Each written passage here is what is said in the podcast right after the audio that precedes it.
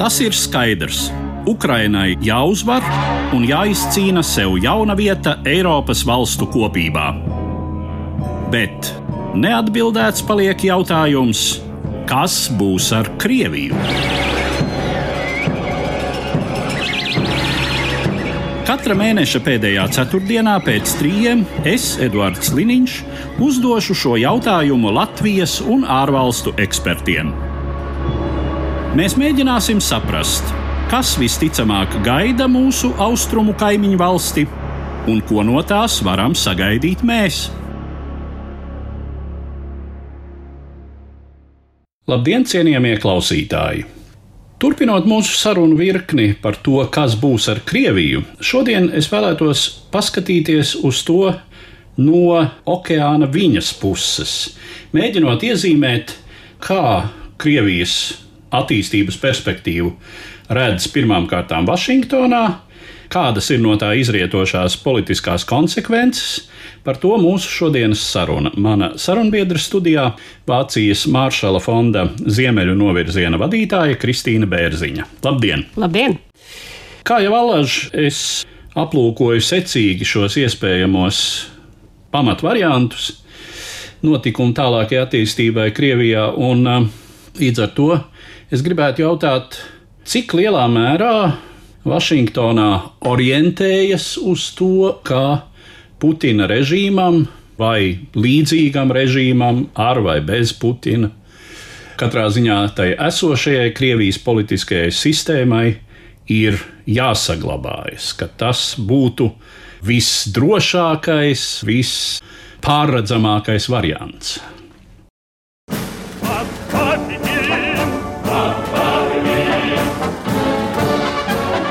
Pirmais scenārijs - pa ordas traktu.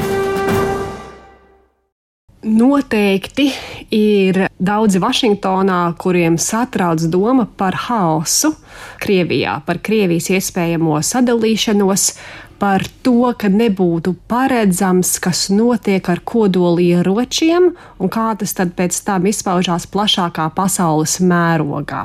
Un tie, kuriem ir lielas bažas tieši par kodolieroču drošību, tie gribētu lielāku stabilitāti tieši Krievijā. Bet tas nav vienīgais viedoklis. Ir arī daudzi Vašingtonā, kuri uzskata, ka nav pārāk jābaidās no pārmaiņām Krievijā, tāpēc ka savā ziņā pārmaiņas Krievijā, ja Krievija šobrīd ir agresors.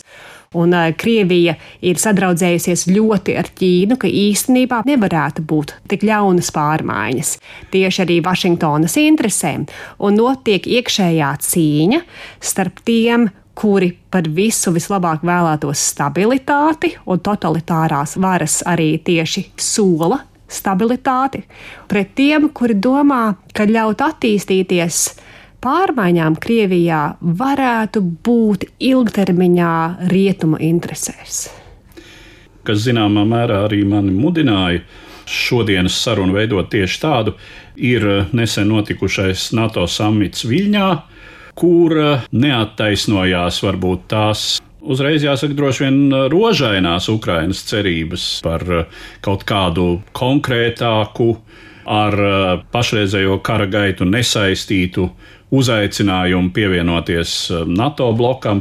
Otrakārt, atkal ir aktualizējies jautājums par to, ka Ukraina nesaņem tādu militāro palīdzību, kas būtu pietiekama, lai gūtu pārsvaru pār Krieviju, vai un cik lielā mērā tam militāro piegāžu gausumam iemesls ir kaut kādi neatklāti Savienoto Valstu valdības apsvērumi, Par to jautājumu daudz spriež, vai Amerika vai īpaši Baltais nams dotajā momentā sevi nenobremzē. Vai nav situācija, ka Baltais nams tik ļoti baidās radīt eskalācijas scenārijus, ka īpaši raķetes, kuras var tālāk iešaut Krimā vai Krievijas teritorijā, ka tas, piemēram, nav vēlams jautājums par lidmašīnām Un kādēļ bremzē? Viens variants tādēļ, ka prezidents Baidens ar savu tuvāko komandu nevēlas radīt plašāku karu arī ar tiešu NATO dalību. Otrs jautājums ir tas, kur varbūt ir arī jāskatās nopietnāk, ir jautājums par to, kas ir Amerikas drošības interesēs. Ja skatāmies, cik ir dots Ukrainai un kāds tas karš ir. Tas ir karš, kurā izmanto ārkārtīgi daudz artērijas lādiņus un kur šauj nepārtraukti, un šobrīd neražo tik, cik vajadzētu ne Eiropā, ne Amerikā. Šobrīd ir arī ļoti liela nozīme, piemēram, Āzijas sabiedrotajiem, ja skatās, kā tālāk viss varētu attīstīties. Tāpēc, ka lūk, ir valstis Āzijā, kuras redz lielāku, piemēram, Ziemeļkorejas draudu vai Ķīnas draudu, kur nopietnāk varbūt pieiet pēdējos gados aizsardzības jautājumiem. Tad jautājums, kādēļ nav šī piegāde uzreiz? Un tur jāskatās arī uz to, vai no Vašingtonas puses uzskata, ka var atļauties šobrīd ļoti nestabilā globālā situācijā vairāk atdot Ukrainai. Bet vai tas ir tīri tādēļ, ka baidās no Krievijas, to man būtu grūti spriest. Tāpēc, ka mana saprāšana ir tāda, ka tur apakšā sēž arī vairāki praktiski jautājumi. Kas izriet no visiem zināmā fakta, ka pirmām kārtām, protams, Rietumē Eiropas un uh, arī Savienoto valstu militārā rūpniecība ir bijusi, teiksim, tādā gausuma un apmiera stāvoklī pēdējos 30 gadus. Un jāskatās, tomēr, kas ir gan ASV, gan arī NATO valstu primārā atbildība. Un Amerikā viens jautājums ir Krievija, bet ir ļoti skaļas balss Vašingtonā, kur satraucās tieši par Ķīnu. Un, ja ir apdraudējums klusajā okeānā, tad varbūt arī bremzēt to, cik ļoti var tagad atdot citiem. Vai nav tā, ka nu, vismaz daļā Savienoto Valstu politiskās vides tiek domāts par kaut ko, ko mēs varētu dēvēt par eh, augsto karu numur divi? Teiksim, Amerikai diezgan ierastu situāciju, kurā tā varbūt labprāt atgrieztos, domājot par to, ko iesākt ar Krieviju, nu, lai Krievija paliek tur, kur tā ir, un tad salīdzinoši ilgā bruņošanās sacensībā mēs atkārtosim to pieredzi, kas jau ir bijusi, balstoties uz mūsu nepārprotami lielāko gan ekonomisko, gan tehnisko potenciālu. Jā, tā varētu būt. Vienīgi tagad ir satraukums, ka nav sacensības tikai ar Krieviju. Jautājums ir par Ķīnu un Ķīna modernizējās īpaši militārās jomās ātrāk nekā ASV. Pieaug cilvēku skaits, karavīru skaits un arī imperiālās ambīcijas pieaug tādā ātrumā, kuras dēļ ASV valda liels satraukums vai tādā augstajā, un varbūt ne tikai augstajā karā, kā ietu rietumiem. Bažīgi ir tas, ka tas ilgtermiņš varbūt nemaz nav tik liels ilgtermiņš. Ja būtu runa tikai par Krieviju, tad, protams, lēnām, lai Krievija nosiņo gan burtiski, gan finansiāli, un ar laiku atkal sabruks. Un tāpēc varam nogaidīt, bet tā spēle nav viena par Krieviju, jautājums ir arī par Ķīnu. Un, ja Ķīnai ir ambīcijas, un tās ambīcijas pieaug, jā, labi, tagad ekonomika drusku sarūk, un jautājums, vai nevajadzētu piebremzēt tieši tās ambīcijas Ķīnā tādēļ, ka neaug ekonomika un tad iekšējā stabilitāte Ķīnā arī ir jautājums. Bet, ja doma būtu, ka lielākie riski Taivānā varētu būt divu līdz piecu gadu jautājums, teiksim, tad ir grūti cīnīties gan ar Krieviju, Ukrainā, gan arī uzņemties risku Ķīna varētu kaut ko mēģināt klusā okeānā. Skaidrs, ka jāražo vairāk, jābūt lielākai arī industriālai izaugsmai, par to runā Eiropas Savienības līmenī. Bet par to daudz runā, bet paiet ļoti ilgs laiks to darīt. Un visās valstīs arī ir cilvēku jautājums - karavīru skaits. Nu jā, un droši vien arī atbilstoši kvalificēta darba spēka skaits. Un arī kur iet gudrākās galvas? Ja skatās, kas notika augstajā karā, augstajā karā gudrākās galvas savā ziņā arī piesaistījā šiem drošības jautājumiem kosmosa sacensībās lielās vai arī militārā industrijā, kur šodien iet labākās matemātiskās galvas. Strādā sociālos tīklos, nevis būvē raķetes. Cik lielā mērā varbūt Vašingtonā liek likmi uz to, ka režīms jā, bet Putins nē. Kā, nu, ja mēs aizvāktu šo nu, jau nepārprotami dīvaini domājošo cilvēku, kura no vienas puses privātās ambīcijas, tomēr nepārprotami ir faktors un fobijas un tā tālāk, un no otras puses, kura savukārt tā autoritāte un uh, Viss šis tēls lielā mērā nodrošina sabiedrības un režīma sazobi, un ka nebūtu Putina, tur būtu cits cilvēks vai cilvēku grupa ar mazākām ambīcijām, ar mazāk aptraipītu biogrāfiju, ar viņiem būtu vieglāk runāt un varētu, teiksim, to situāciju amortizēt. Daudziem tas liktos reāls scenārijs, daudziem arī varbūt Vašingtonā tas savā ziņā patiktu. Bet tāda runa, ka vajadzētu režīmu mainīt, to nerunā. Savā ziņā 80. gadu Centrālamerikas jautājumi, visi tagad tuvu austrumu kari, tie nebija veiksmes stāsti nevienam. Un tādēļ apetīte pat runāt par kaut kādu režīmu maiņu, nu, tā pilnīgi nav. Tas, kas notiek Krievijā, tas ir Krievijam jautājums. Krieviem pašiem jātiek galā ar to, kas notiek Kremlī. Satrauc tas, nu kas tad notiek ar kodolieročiem, bet apmēram reakcija drīzāk tāda, mēs ne īsti gribam spekulēt, ne izpaust kādu viedokli par to, kādai Krievijai tālāk būtu jābūt. Tas taču nav mūsu jautājums. Mums vajag nodrošināt savas robežas, mums vajag gādāt par to, lai mēs būtu drošībā.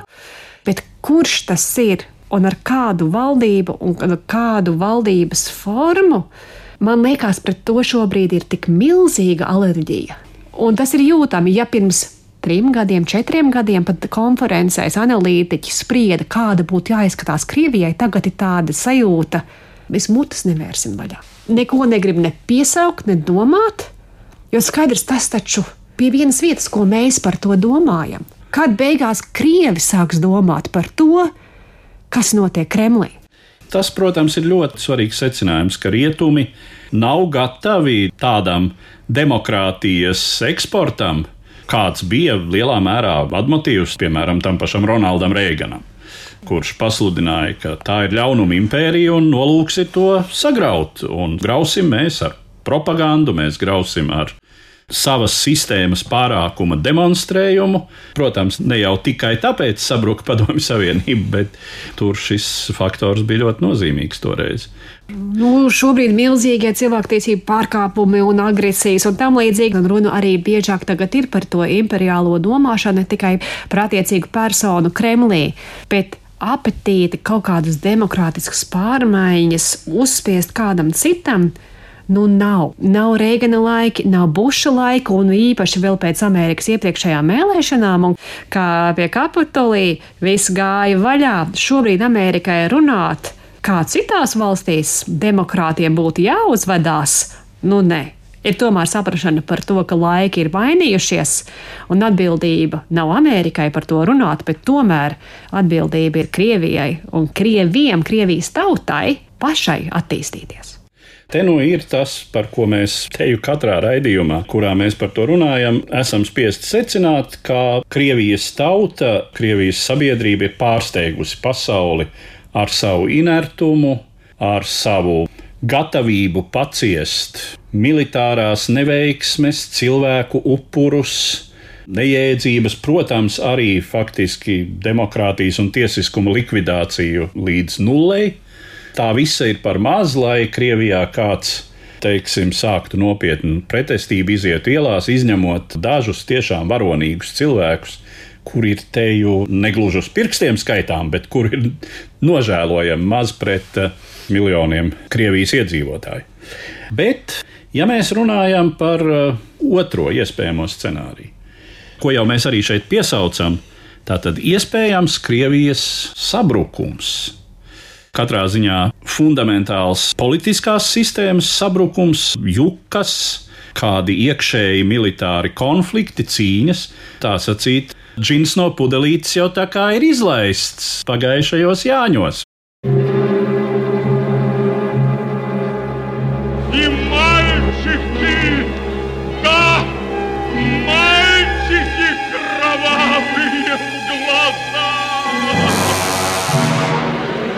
Otrais scenārijs - juku laiki.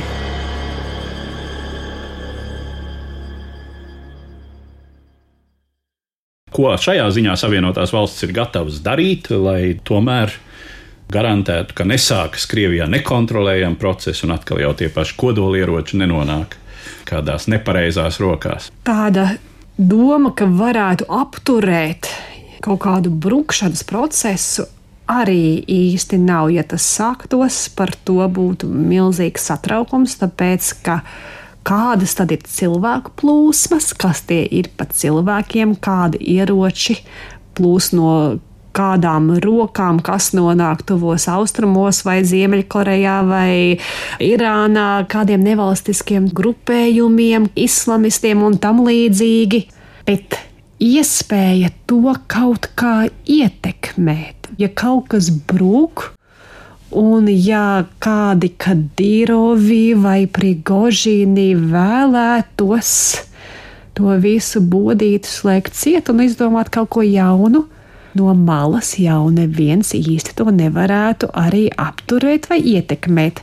Drīzāk censties saprast, kurš pa īstam ir pie varas, izprast situāciju un no otras puses turpināt stiprināt savu drošību. Bet tur atkal ASV izņemot attiecībā uz kodolieročiem, tas neietekmētu tieši. Nebūs jau tā, ka ar zvejas kuģiem tagad laidīsies pāri uz aļasku cilvēki. Ja? Nu, ja kāds arī pārlaidīsies, nu, tad tas būs nieks, piemēram, pret problēmām, ar kurām potenciāli saskarsies Latvija. Jā, Latvija, un tur ir lieli jautājumi, piemēram, kas notiktu Vācijā. Jo, ja Prigožīna nedēļā bija sajūta šeit, ka mēs nezinām, kas būs aiz robežas, un jātur to tā, lai neviens dotajā momentā neplūst iekšā, jo mēs nesaprotam, kas ir un kas nav. Vācijā bija pavisam citas sarunas. Vācijā bija sarunas, ka tad atkal būs bēgļi un labie krievi iespējams brauks prom un būs jādomā par to, kā tagad uzsūt bēgļu plūsmas. Un tad kā mainās Eiropa? Un kā mainās attiecīgo Eiropas valstu politika attiecībā pret Krieviju vai pēc Krievijas, nezinu, kurām valstīm, kas pēc tam tur izveidotos, ja tiešām viss sabruktu. Drīzāk sašķeltās Krievijas gadījumā es uztrauktos vairāk par Rietumu Eiropas reakciju, par vēlmi Berlīnē vai Parīzē mainīt politiku, atkal atvērt durvis jebkuriem jaunajiem karavadoņiem vai varbūt arī politiski ievēlētiem demokrātiem, kas tolaizina varbūt būtu misrojums starp abām sistēmām.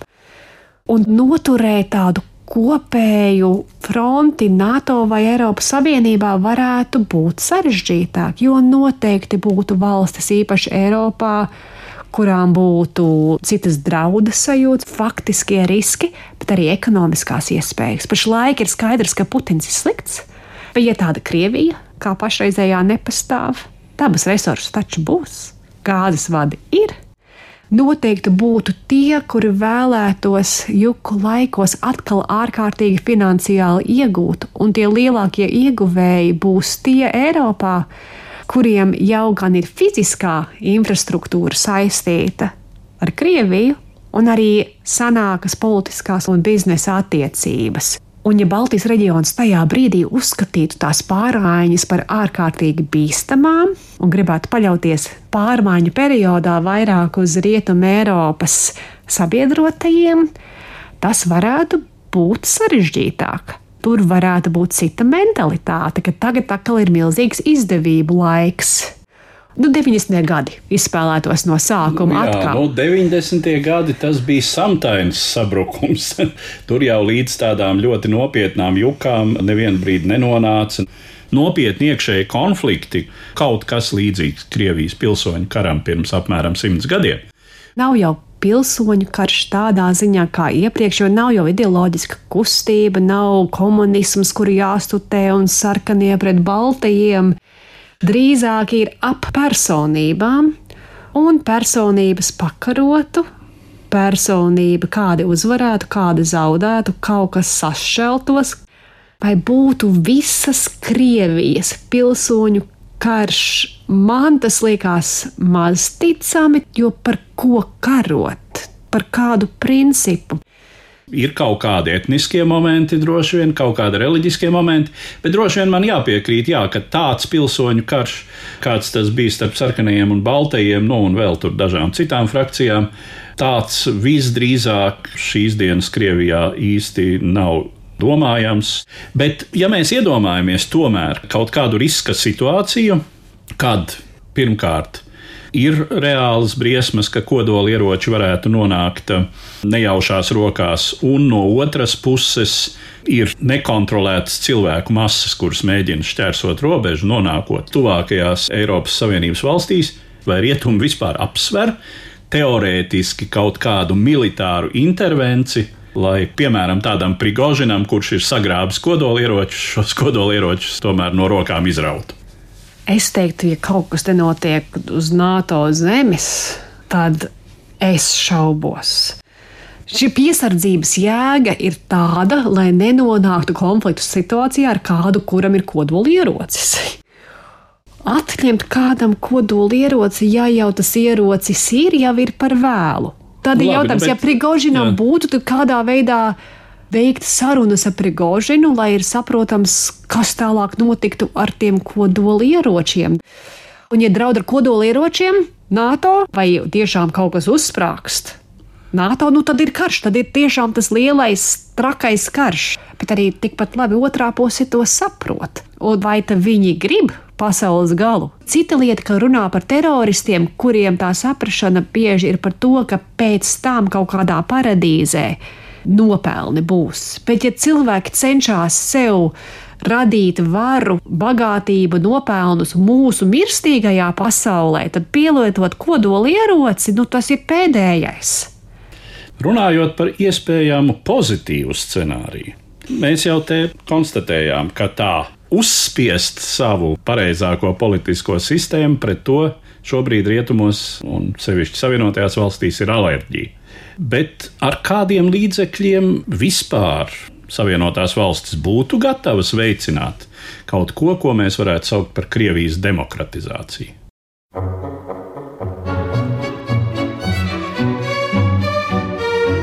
Trešais scenārijs Oda priekam par Gulbju ezeru.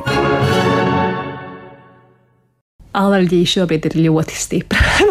Un arī pilsoniskā sabiedrībā tās attiecības, kuras tika izveidotas 90. gados un pēc tam, kad tas viss tagad ir tik ļoti iznīdēts. Un arī ar nolūku tieši tāpēc, lai nebūtu demokrātija, lai nebūtu iespēja cilvēkiem atklāti un ar atvērtu domāšanu pārskatīt vēsturi un pašreizējo valdību.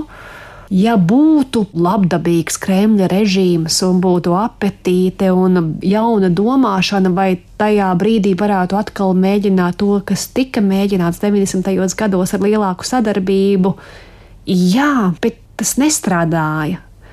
Un šobrīd nav vēl attīstīta domāšana par to, kā iespējami labvēlīgākā Krievijā varētu stiprināt demokrātiju, jo tas ir tik tāls. Pirms desmit gadiem par to varēja runāt, kā glābt situāciju, kā tomēr stiprināt demokrātiju, kā atjaunināt pilsonisko sabiedrību. Bet tā šobrīd principā nav.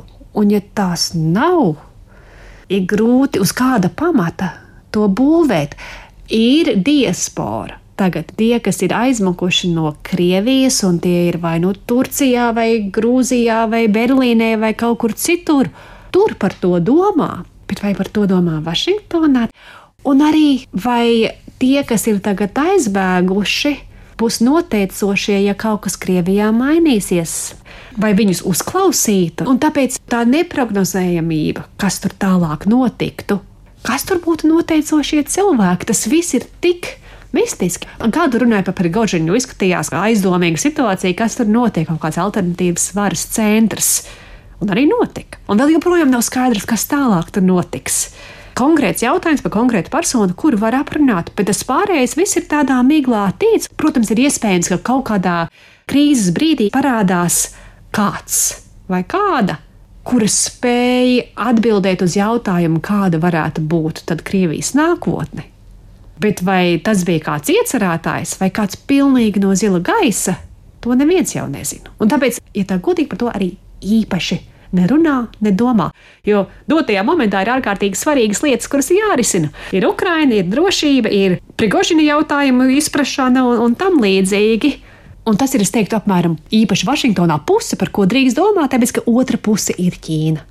Ja augstajā karā prioritāte bija Krievija un varēja visi pievērsties visu laiku Krievijas jautājumam, tad resursi apmēram, es teiktu, nu labi, varbūt tagad 60% un 40% vēl joprojām domā par Ķīnu. Tagad sākās Baidena administrācija, tad varbūt 20% domāja par Eiropu, par Krieviju. Tagad ir labāk, bet vēl visi spēki nevienā vietā nav pievērsušies tieši šim jautājumam.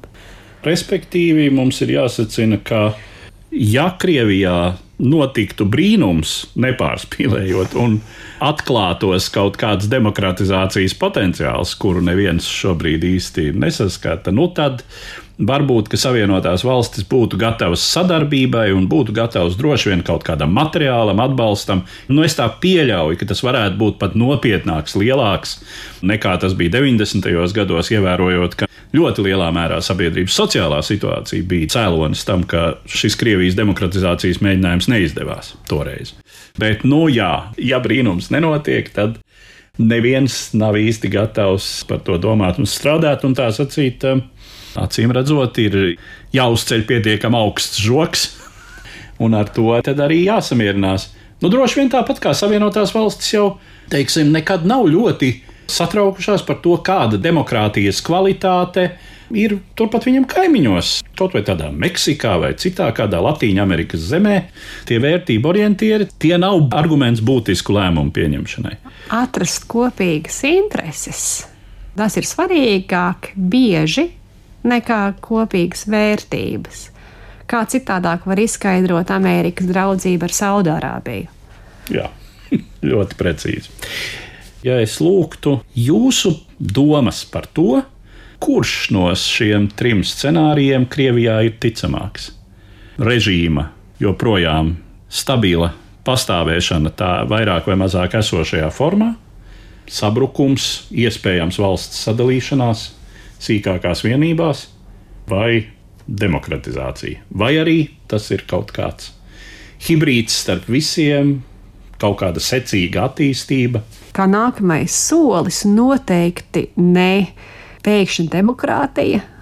Pēc manām domām, Krievijā arī tie kara vadoņi, kuri vēlētos pārmaiņas, nevēlas hausu, jo hausā ir lieli zaudētāji. Prigožina pašreizējā situācija ir tāda, ka notiek it kā sacensība par varu, bet nav atklāts karš. Prigožins dzīvo, Prigožinam ir dota telpa, vai notiek kāda vairāk plāna veida decentralizācija vai kaut kas tamlīdzīgs, vai notiek pārmaiņas, kuras aizkulisēs varētu būt neharmoniskas, bet ārēji, lai izskatītos, ka pārmaiņas notiek drīzāk plānveidā, kaut kas drīzāk uz to pusi. To iespējamie nākamie spēki Krievijā pirmkārt vēlētos, un otrkārt atkal ir tas Ķīnas jautājums. Neprognozējamas situācijas nav pieņemamas Ķīnas valdībai. Tādēļ, ka tur stabilitāte ir primārā vērtība, Un ja skaidrs, ka kaut kas Krievijā notiek un mainās, un Ķīnas dalība, protams, Krievijas jautājumos arvien aug, tad ir svarīgi, lai pasaulē, bet arī Ķīnā izskatās, ka notiek kaut cik harmoniskas pārmaiņas. Un tāpēc kaut kas, kas ir varbūt kara vadoņu savstarpēja noruna sadalīt teritorijas ar iespējām atkal, nu, vai, vai varētu līt asinis nedaudz, jā, bet vai būtu atklāts karš ar milzīgu sabrukumu, tas man arī liekas, nu, nevar izslēgt. Bet, ja kaut kas mainās un kaut kas dalās, tad tas būtu vai nu piespiedu kārtā, bet beigās ar parakstiem ar tādu secinājumu mēs arī noslēdzam mūsu šodienas sarunu, kur mēģinājām paskatīties uz iespējamo Krievijas nākotni no Vašingtonas perspektīvas. Un es saku paldies manai sarunbiedrei, Vācijas Maršala fonda Ziemeļu virziena vadītājai Kristīnai Bērziņai. Paldies! Kas būs ar Krieviju? neizbēgamie jautājumi un iespējamās atbildes par mūsu austrumu kaimiņu valsts nākotni. katra mēneša pēdējā ceturtdienā pēc trījiem Latvijas Radio 1.